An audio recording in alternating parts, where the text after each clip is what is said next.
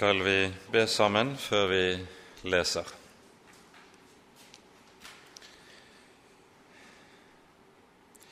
Kjære gode og trofaste Herre.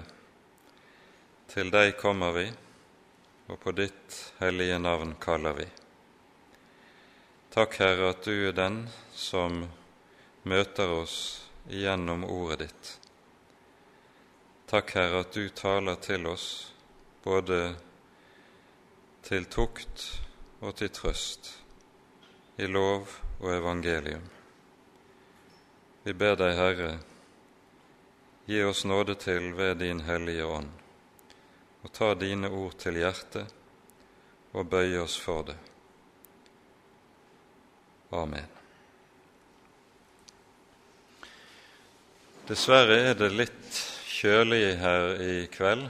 Der er noen som hadde skrudd eh, varmepumpene helt av, så det vil nok ta litt tid før temperaturen kommer opp. Men eh, vi får håpe at eh, det er sånn noenlunde. Jeg skal i hvert fall ikke bli fornærmet om noen eh, trenger å slå floke. Vi eh, skal ta for oss de tolv første kapitlene nå i eh, det tredje kapitlet i de tolv første versene i det tredje kapitlet i Jakobs brev, og vi leser dem i sammenheng nå til eh, innledning. Mine brødre, ikke mange av dere må bli lærere, for dere vet at vi skal få desto strengere dom. Og vi snubler alle i så mangt. Den som ikke snubler i tale, er en fullkommen mann, i stand til å holde hele legemet i tømme. Når vi legger bissel i, på, i munnen på hestene for at de skal lystre oss, så styrer vi også hele kroppen deres. Se, også skipene, som er så store og drives av sterke vinder, de styres av et ganske lite ror, dit styrmannen vil. Slik er det også med tungen. Den er et lite lem, men taler likevel store ord. Se, en liten ild, hvor stor en skog den setter i brann. Også tungen er en ild. Som en verden av urettferdighet står tungen blant våre lemmer. Den smitter hele legemet og setter livshjulet i brann, og selv blir den satt i brann av helvete. For all natur, både hos villdyr og fugler, krypdyr og sjødyr, kan bli temmet og er blitt temmet av den menneskelige natur. Men tungen kan ikke noe menneske temme. Den er et ustyrlig ånde, fullt av dødelig gift. Med den velsigner vi Herren og Faderen, og med den forbanner vi menneskene som er skapt etter Guds bilde. Av samme munn går det ut velsignelse og forbannelse. Mine brødre, det må ikke være slik. En kilde lar det vel ikke strømme frem både friskt vann og bittert vann av samme oppkomme. Mine brødre, kan vel et fikentre bære oliven, eller et vintre fiken? Like lite kan en salt kilde gi ferskt vann.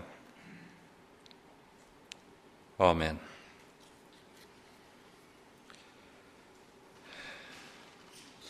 Det er et iøynefallende trekk ved Jakobs brev at det vies svært mye plass til vår tale, til våre ord.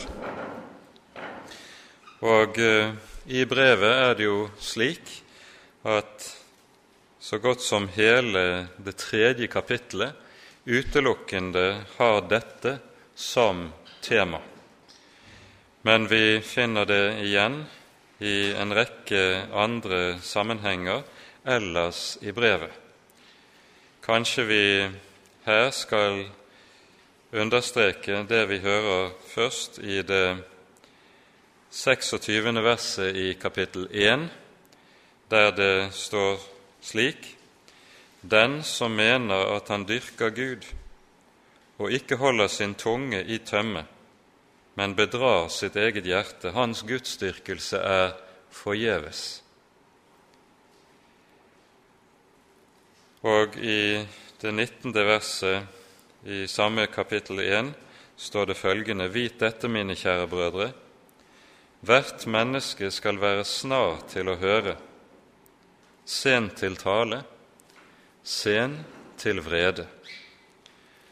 Og også videre ut i brevet hører vi i flere sammenhenger at Jakob kommer inn på ulike sider ved vår tale. Dette tredje kapittelet her i Jakobs brev henger på en særlig måte sammen med et par andre veldig viktige avsnitt i vår bibel. For det første så er ordspråksboken helt sentral med tanke på det vi leser i dette kapittelet, og mot slutten av bibeltimen skal vi se litt nærmere på noe av det vi finner i ordspråksboken om denne saken. Men innledningsvis kan vi bare understreke noe som står i Ordspråkene kapittel 18, der det sies 'liv og død er i tungens vold'. Med det peker ordspråkene på hvilken veldig betydning menneskets tale kan ha. Talen har det med seg at med våre ord kan vi ødelegge menneskers liv, og med våre ord kan vi også gjøre det motsatte oppbygge menneskers liv. Vår tale og våre ord har langt, langt større betydning enn vi ofte både er oppmerksomme på og tenker over.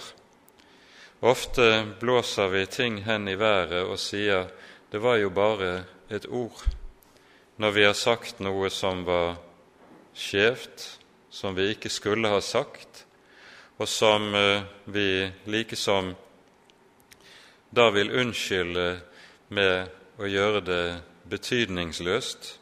Det var bare ord. Men ord er ikke betydningsløse. Vår tale kan ha den mest vidtrekkende betydning for vår neste. Liv og død er i tungens vold leste vi altså i Ordspråkene 18, og dette hører med i denne sammenheng. Dernest er det jo også slik at to av de ti bud taler om hvorledes vi bruker vår munn. For det første har vi det annet bud du skal ikke misbruke Herrens, din Guds navn som taler om hvorledes vi forholder oss med våre ord, særlig når det gjelder i forhold til vår Gud, vårt gudsforhold. Her er det ikke minst det vi leser i det første verset i, her i Jakob 3, eh, er aktuelt når Jakob kommer med sin advarsel og sier ikke mange av dere blir lærere, fordi de skal, da skal få desto tyngre dom. Saken er den at vranglære, dersom en taler skjevt, tåkelegger eller forvrenger Guds ord, da er det brudd på det annet bud. Du skal ikke misbruke Herrens, din Guds navn. Å tale i Guds navn men tale i strid med Guds ord, det er nettopp å misbruke Guds navn. Så dette har i høy grad med det annet bud å gjøre. Dernest har vi det åttende budet, som ofte populært gjengis med ordene 'du skal ikke lyve', men som i Bibelen står slik 'du skal ikke si falskt vitnesbyrd mot din neste'. Og Da er det tale både om det som skjer i retten, men likeledes også når det gjelder i det daglige liv, hvordan vi omtaler vår neste. Vi kommer tilbake til dette etter hvert. Dette er den annen viktige sammenheng som kommer til anvendelse som bakteppe her for Jakob 3. For det tredje er det også slik at ordene i Matteusevangeliets tolvte kapittel fra Jesu munn også står der som en viktig del av bakgrunnen for det vi her leser.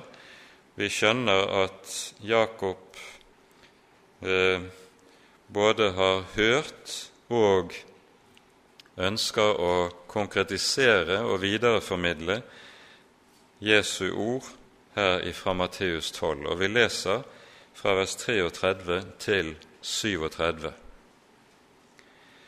La enten treet være godt og dets frukt god, eller la treet være dårlig og dets frukt dårlig, for på frukten skal treet kjennes.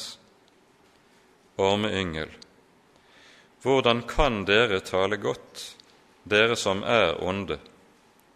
For det hjertet flyter over av, det taler munnen. Et godt menneske bærer frem gode ting fra sitt gode forråd, og et ondt menneske bærer frem onde ting fra sitt onde forråd. Men det sier jeg dere, hvert unyttig ord som menneskene sier, skal de gjøre regnskap for på dommens dag. For etter dine ord skal du bli kjent rettferdig, og etter dine ord skal du bli fordømt. Vi skjønner her at våre ord langt fra er noen ubetydelig eller likegyldig sak når Jesus her understreker at våre ord også kommer til å få avgjørende betydning i dommen. Og Derfor er det vi også hører at Jakob i 1.26, som vi hørte det, knytter gudsfrykten på det nøyeste sammen med vår tale. Den som mener at han dyrker Gud og ikke holder sin tunge i tømme, han bedrar sitt eget hjerte. Bakgrunnen for det vi hører i dette verset, er nok å finne i Salme 34, der vi leser slik i vers 13 og vers 14. Hvem er den mann som har lyst til liv, som ønsker seg dager til å se lykke? Hold din tunge fra ondt og dine leber fra å tale svik. Vik fra ondt og gjør godt, søk fred og jag etter den. Her hører vi at med det som David sier i denne salmen, så knyttes gudsfrykten på det nærmeste sammen med hvordan et menneske taler. Hold din tunge fra ondt og dine leber fra å tale svik. Det er det vi hører i denne sammenheng. Sist gang talte vi sammen bare om det første verset her i kapittel 3, og så litt nærmere på hva som ligger i det å være lærer, og hvorfor læreoppdraget står så sentralt i Guds ord. I, når vi så kommer til vers 2, så er det mulig at dette verset henger sammen med det som sies om eh, læreoppdraget. Vi hører det her står vi snubler alle i så mangt. Den som ikke snubler i tale, er en fullkommen mann, i stand til å holde hele legemet i tømme. Her er det en del eh, utleggere av Bibelen som forstår ordene 'hele legeme' som at det sikter til Kristi legeme, altså menigheten. Og altså en som er en rett lærer, og som forkynn slik altså holder sin tunge i tømme, han vil også kunne holde menigheten på rette spor. Og det er nok mye i det, men sannsynligvis er det en utleggelse som ikke eh, er i tråd med hva Jakob har i tanke. Tankegangen i disse, dette avsnittet som vi har lest her i Jakob 3, er at han taler om våre ord, vår bruk av vår tunge i allmennhet, og så går han inn på et særlig spesialområde i det første verset, de som har sin oppgave med å tale og undervise i den kristne menighet, for så fra vers 2 av å gå over på det mer allmenne som gjelder alle troende uten forskjell.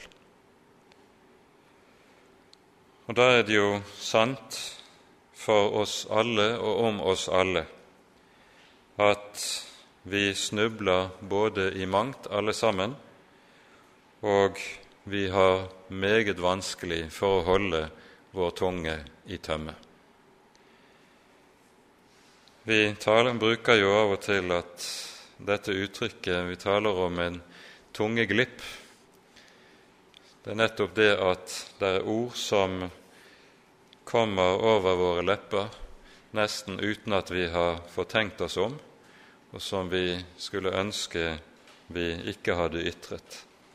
Det er nettopp denne mangelen på kontroll med våre ord som ligger bak et sånt uttrykk. Det som Jakob sikter mot i eh, det vi her hører, er ikke det som vi har i ordspråket som vi alle kjenner tale er sølv, taushet er gull. Han sikter ikke mot å få oss alle til å gå rundt og lukke munnen, men han sikter mot selvkontroll når det gjelder bruken av vår tunge. Og da hører vi at dette dras inn i en mer allmenn sammenheng. Den som ikke snubler i tale, er en fullkommen mann, i stand til å holde hele legemet i tømme.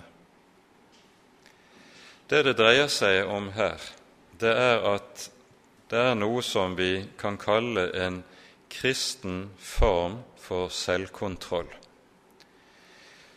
Setter vi dette i sammenheng med det Bibelen ellers sier om hvem en kristen er, så er det slik at en kristen er to personer på én og samme tid. Han er gammelt og nytt menneske.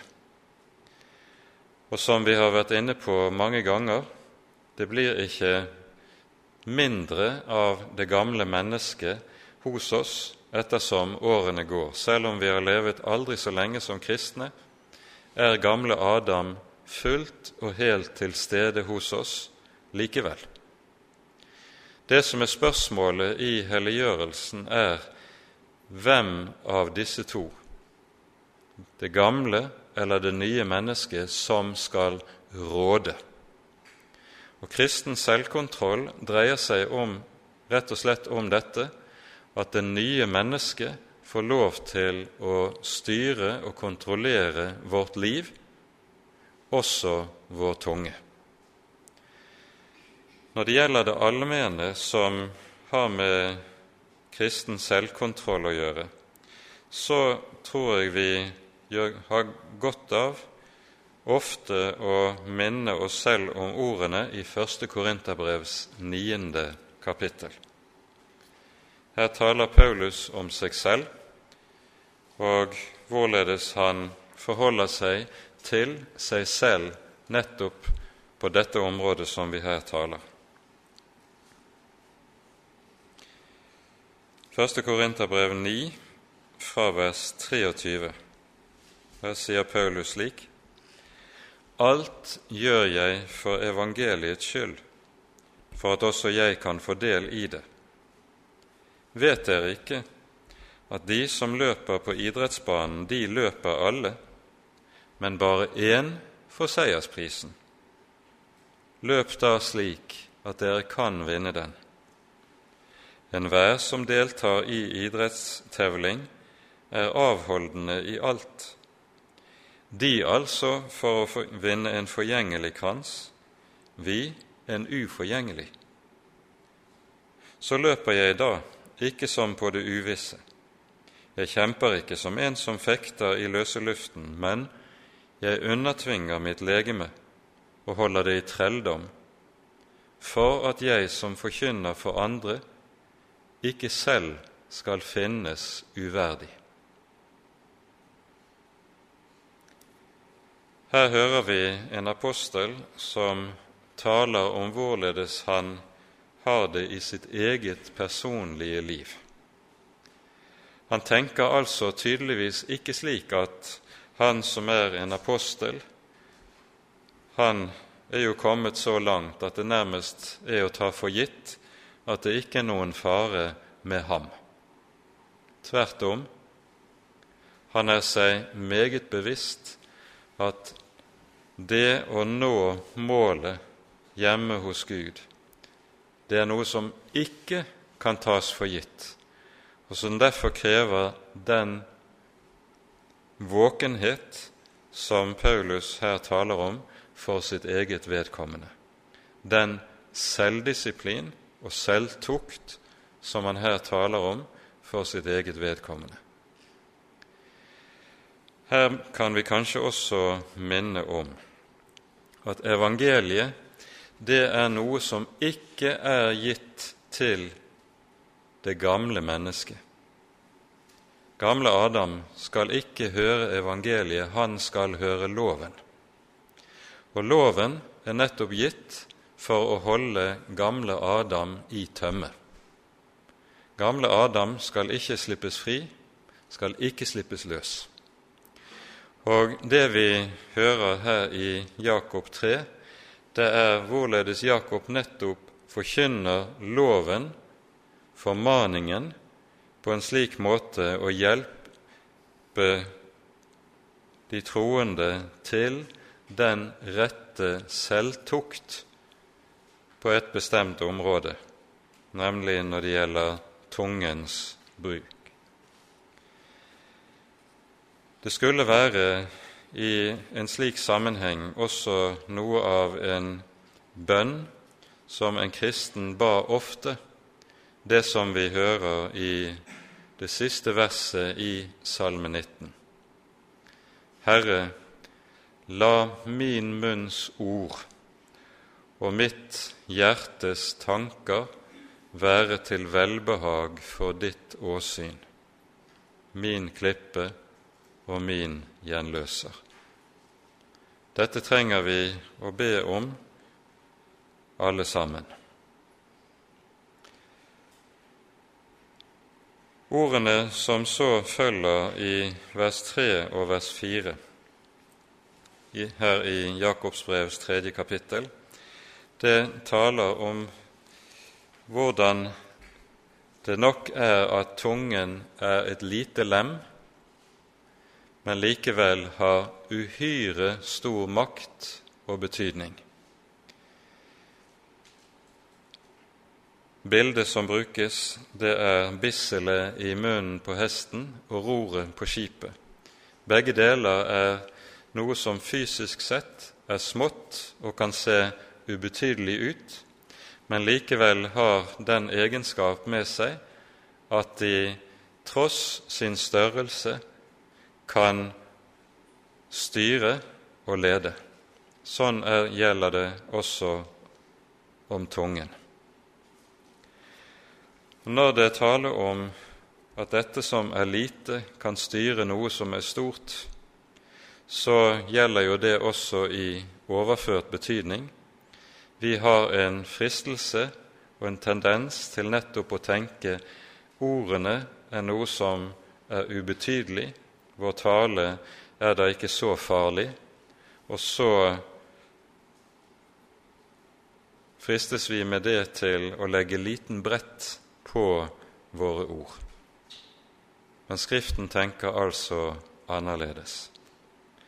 Og Derfor hører vi så i vers 5 at Jakob direkte peker på hvilken destruktiv, ødeleggende kraft tungen kan komme til å ha. Og så sammenlignes det altså med hvordan en liten gnist kan tenne, antenne den største skogbrann. Også tungen er en ild, hører vi. Som en verden av urettferdighet står tungen blant våre lemmer. Og Her brukes det i det sjette verset uhyre sterke ord om hva tungen er, og hva som kjennetegner den. Som en verden av urettferdighet er det første uttrykket som anvendes. Dernest sies det at tungen smitter hele legemet. For det tredje sies det den setter livshjulet i brann. Med livshjulet sikter sikter det til det vi kaller tilværelsen som helhet. Våre ord kan sannelig komme til å bli noe som får betydning for hele menneskets tilværelse. Tenk bare på hvorledes forutsetningen for det som skjedde under annen verdenskrig, var de ord som ble brukt i Tyskland av Goebbels, av Hitler, i deres propaganda. Uten at disse ord hadde vært brukt, så hadde neppe noe av det som skjedde under annen verdenskrig, kommet til å utspinne seg i vår historie. Ordene deres la forutsetningen for det forferdelige som kom i fortsettelsen. Den setter livshjulet i brann, og selv blir den satt i brann av helvete. Det er voldsomme ord, men slik taler altså Skriften om dette. Så sies det i vers 8 ytterligere tungen er et ustyrlig ånde full av dødelig gift. Når Jesus talte til fariseerne, som vi hørte det i Matteus 12, og sa 'ormeyngel', så er dette fra Jesu munn ikke et skjellsord. Det skal vi merke oss. Men det er tvert om en real karakteristikk av hva disse representerer, og ved sine ord kommer til å virke i sine omgivelser.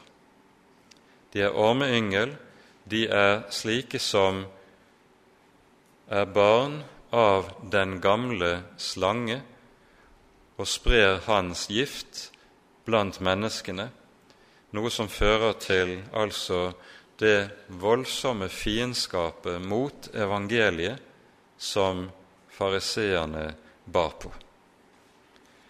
Og det er samme billedbruken som ligger under når Jakob sier som han her gjør det, den er full av dødelig gift.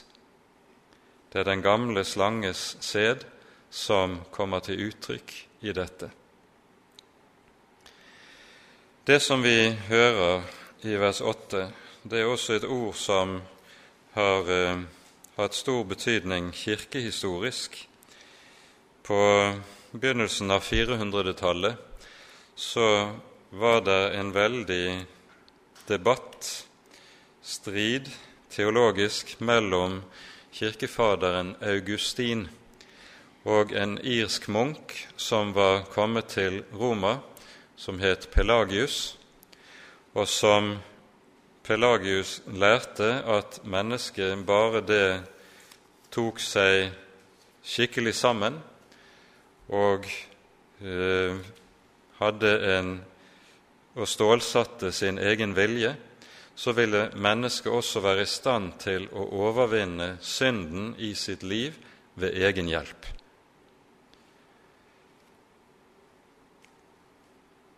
Augustin trer opp mot Pelagius, for han ser jo hvorledes denne gjerningslære hos Pelagius ødelegger hele evangeliet. Og et av de ordene som Augustin siterer for nettopp å påvise at Pelagius' lære var i strid med Bibelen. Det er nettopp vers 8 her i Jakobs brevs tredje kapittel. Tungen kan ikke noe menneske temme. Den er et ustyrlig ånde, full av dødelig gift. Med den velsigner vi Herren og Faderen, og med den forbanner vi menneskene som er skapt etter Guds bilde. Og så hører vi i de siste versene i vårt avsnitt, 10-12, er det tale om den dobbeltkommunikasjon som vi mennesker ofte representerer. I én sammenheng sier vi én ting, og i en annen sammenheng noe helt annet, og så opptrer vi som dobbeltspillere, som slike som nettopp gir uttrykk av det ene og det annet, og dermed avslører oss selv som løgnere.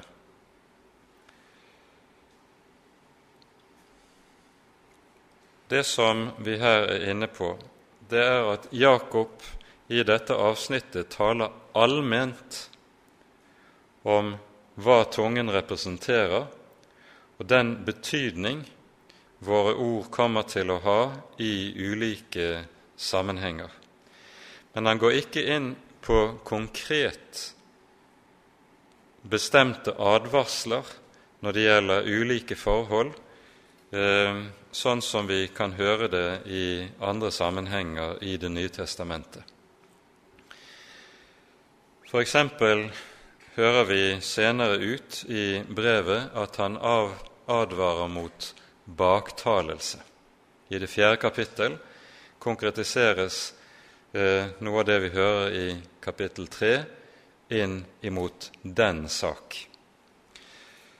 Og La oss nå se litt på mer konkrete forhold som det kan være viktig for oss å peke på i denne sammenheng. Det første vi altså bør stanse opp for, er det som kalles for baktalelse. Og her er dette noe som er gitt oss som et konkret bud allerede i Tredje Moseboks 19. kapittel. Dette er eh, også en konkretisering av eh, det åttende budet. I Tredje Mosebok 1916 står det slik.: Du skal ikke gå omkring og baktale folk. Og så står dette i sammenheng med det som kommer to vers nedenfor. Du skal elske din neste som deg selv. Jeg er Herren. Og Nå blir spørsmålet hva menes med baktalelse? Baktalelse er ikke å gå rundt og fortelle løgner om sin neste. Det er noe som er ille nok.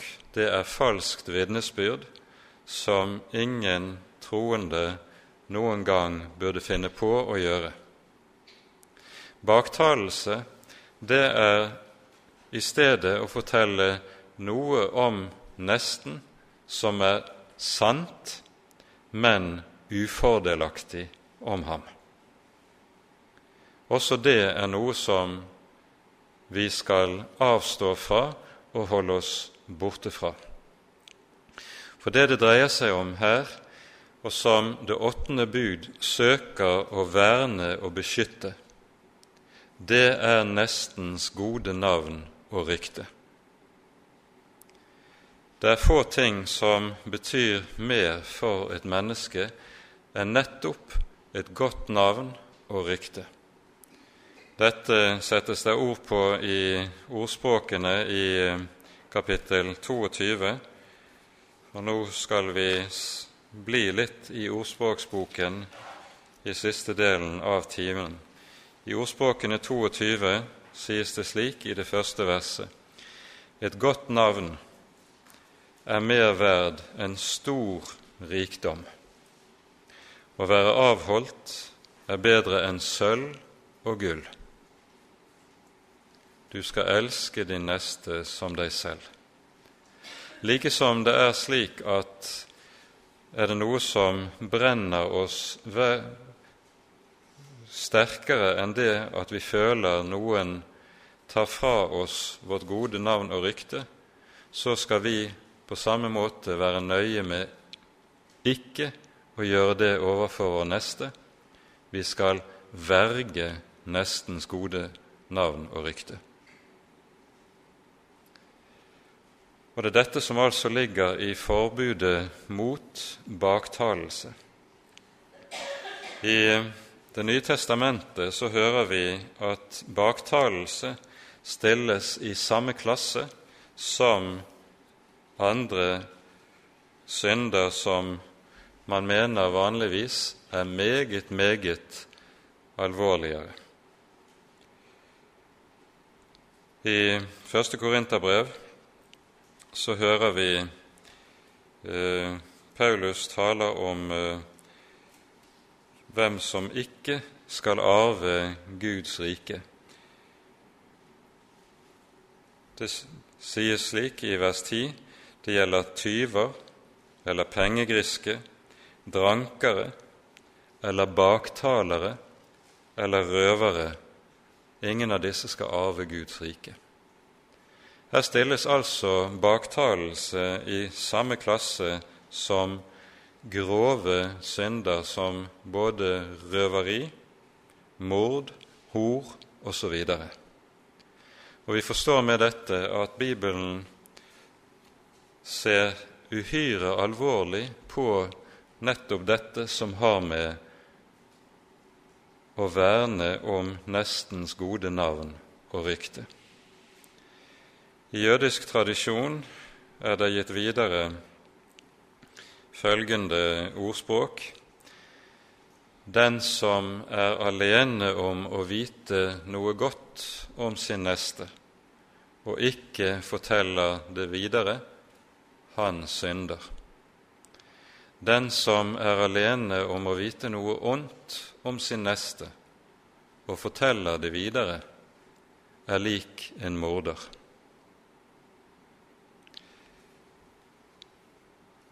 Og Dette er det bibelsk dekning for å si at dette er sant. Det første vi altså noterer oss og som vi skjønner indirekte ligger under en del av det Jakob sier i dette kapittel 3, det er hvorledes baktalelse er en stor fare som troende skal verne seg mot.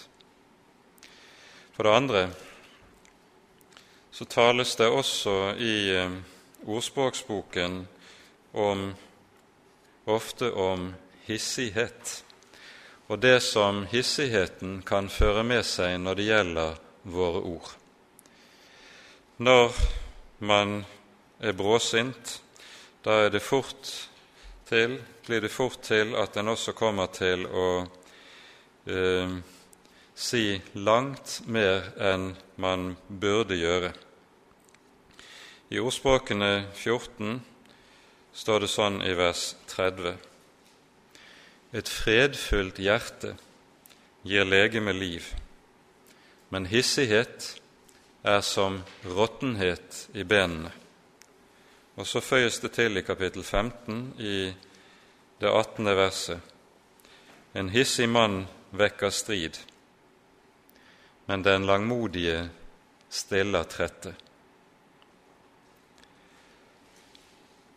Her vet vi veldig godt hvordan det er når det gjelder temperamentet vårt, der det tar fyr, der kommer en fort til å si langt mer enn en burde og skulle si.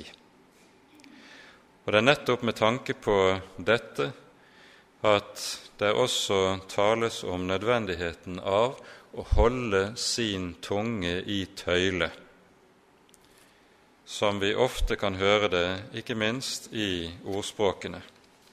La oss gå til det ellevte kapittelet, der det, der det står sånn i vers 12 og vers 13. Unnskyld, nå er vi tilbake i det forrige avsnittet. Den som er uten omdømme, taler foraktelig om sin neste, men en forstandig mann tier. Den som går omkring og baktaler, åpenbarer hemmeligheter, men den som er trofast i Ånden, skjuler saken.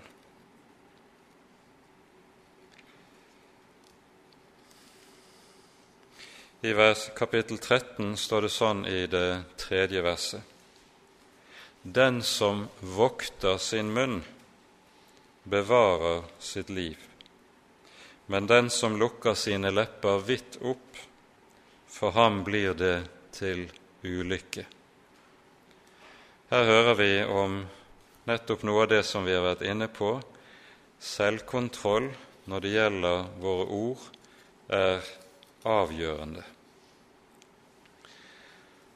Og så hører vi at det som kjennetegner dåren, det er nettopp det at han lar tungen løpe uten å tenke seg om. I kapittel 18 leser vi sånn ifra vers 2 av. Dåren bryr seg ikke om å være forstandig. Han vil bare vise hva han tenker i sitt hjerte. Når den ugudelige kommer, kommer også forakt, og med skammen følger spott.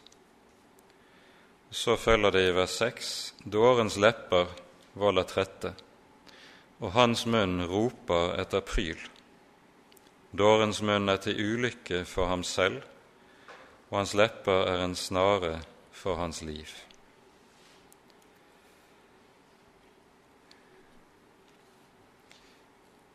Det er mye annet vi kunne sette fingeren på når det gjelder det vår Bibel har å si om vår tale. Og vi vet alle hvordan ord kan være noe som sårer og krenker oss dypt, mens rette ord også kan være det motsatte. Det kan være noe som bringer legedom og trøst til sårede hjerter.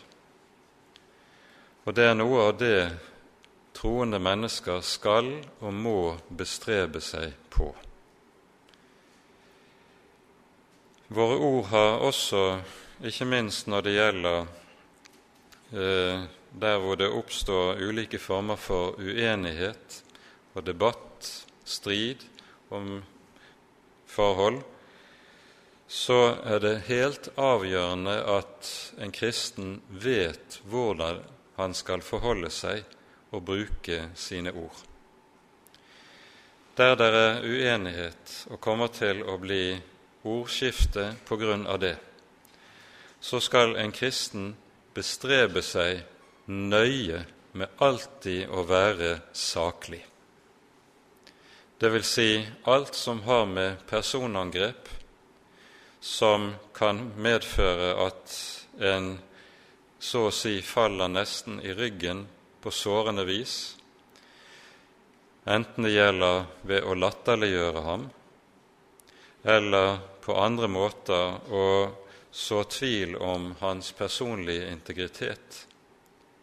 Alt slikt er uverdig og noe som vi som troende skal holde oss langt borte fra. Saklighetskriteriet er helt avgjørende når det taler om hvorledes en kristen skal bruke sine ord der det blir oppstår uenighet på det ene eller på det annet området. Usaklighet i form av personangrep og andre ting fører alltid til uredelighet i et ordskifte, noe som en skal holde seg langt, langt borte fra. Her er det også slik at det er enkelte som er meget dyktige til ved hjelp av sine ord å manipulere andre mennesker.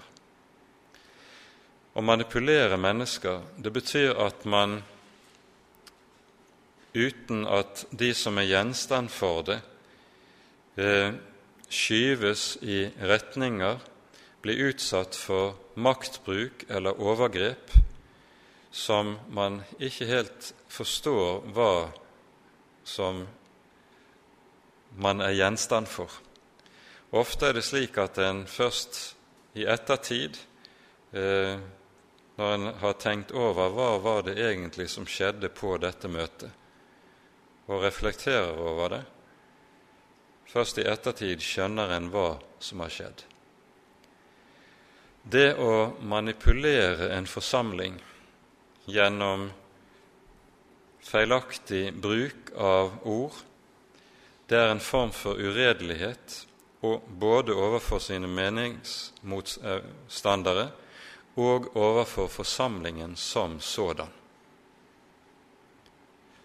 Og er noe som troende mennesker alltid skal holde seg langt borte fra.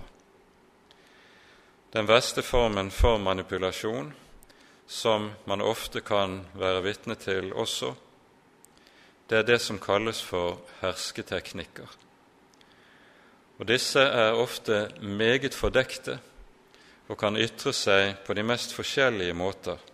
Og det kan være nyttig for mennesker, særlig de som har sitt arbeid på en eller annen måte offentlig, og der det har med hvordan en skal forholde seg offentlig og være klar over hvilke teknikker som slik anvendes for å søke å sette meningsmotstandere sjakkmatt på andre premisser enn rent saklige grunner. Det er uredelighet, det er misbruk av ord, og det er en form for løgnaktighet i dette som troende mennesker alltid skal holde seg langt unna. Det er synd. Men vi ser den slags overalt i verden omkring oss, ikke minst i politikken. Du kan se det om du lytter til debatter om ulike spørsmål på TV, der det er enkelte som er uhyre flinke til på subtil måte å anvende slike teknikker til å for å sette meningsmotstandere på sidelinjen og gjøre dem sjakkmatt. Slikt skal troende aldri gjøre seg bruk av. Dere skjønner at med det vi her er inne på, så er vi inne i en del av det som Jakob peker på når han taler om ordenes betydning og ordenes makt. Våre ord har uendelig stor betydning. Liv og død er i tungens vold, innledet vi med. Og Derfor er det også noe som troende mennesker alltid skal være seg meget bevisst. Det er hvordan vi bruker vår tunge og bruker våre ord. Den viktigste regelen er den som vi allerede har hørt i Jakobs brevs første kapittel. Hvert menneske være snar til å høre, sen til å tale. Det som her sies, det gjelder jo i første omgang forholdet til Guds ord. Det å lukke sin munn, bli stille, slik at Guds ord kan høres på ramme alvor, det er jo det som er det grunnleggende i alt sant kristent liv. Og der Guds ord får lov til å komme inn, enten det er med loven, som vi i alt vesentlig har konsentrert oss om i kveld, eller det er i evangeliet, så vil det ordet gjøre sin gjerning med oss og med våre hjerter. Og Derfor lyder det alltid hvert menneske være snar til å høre, sen til å tale. Men det gjelder også i forholdet til vår neste. Det å være villig til å lytte til nesten, det er noe som er ganske grunnleggende med tanke på et rett forhold til vår neste. Vi har vel alle vært ute for og støtt på mennesker som er det vi kaller snakkesalige. De, det er sånn at du knapt kan komme til orde selv fordi de har så uendelig mye å snakke om, og snakker om seg selv og sitt eget, og overhodet ikke viser noen som helst interesse for sin neste og de som de møter. Det røper et sinn som er dypt selvopptatt. Og den slags snakkesalighet er noe som også bør være fjernt fra kristne mennesker.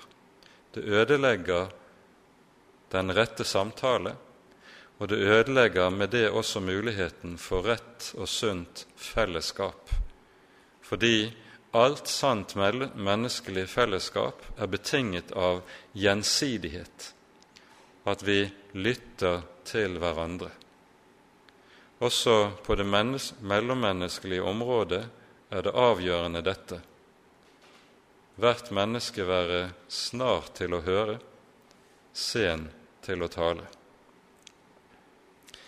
Mye mer skulle vært, sikkert vært sagt om disse ting, men jeg tror at det er på tide at vi setter punktum for i kveld. Og så fortsetter vi når vi kommer over jul. Ære være Faderen og Sønnen og Den hellige ånd, som var og er og være skal en sann Gud, høylovet i evighet. Amen.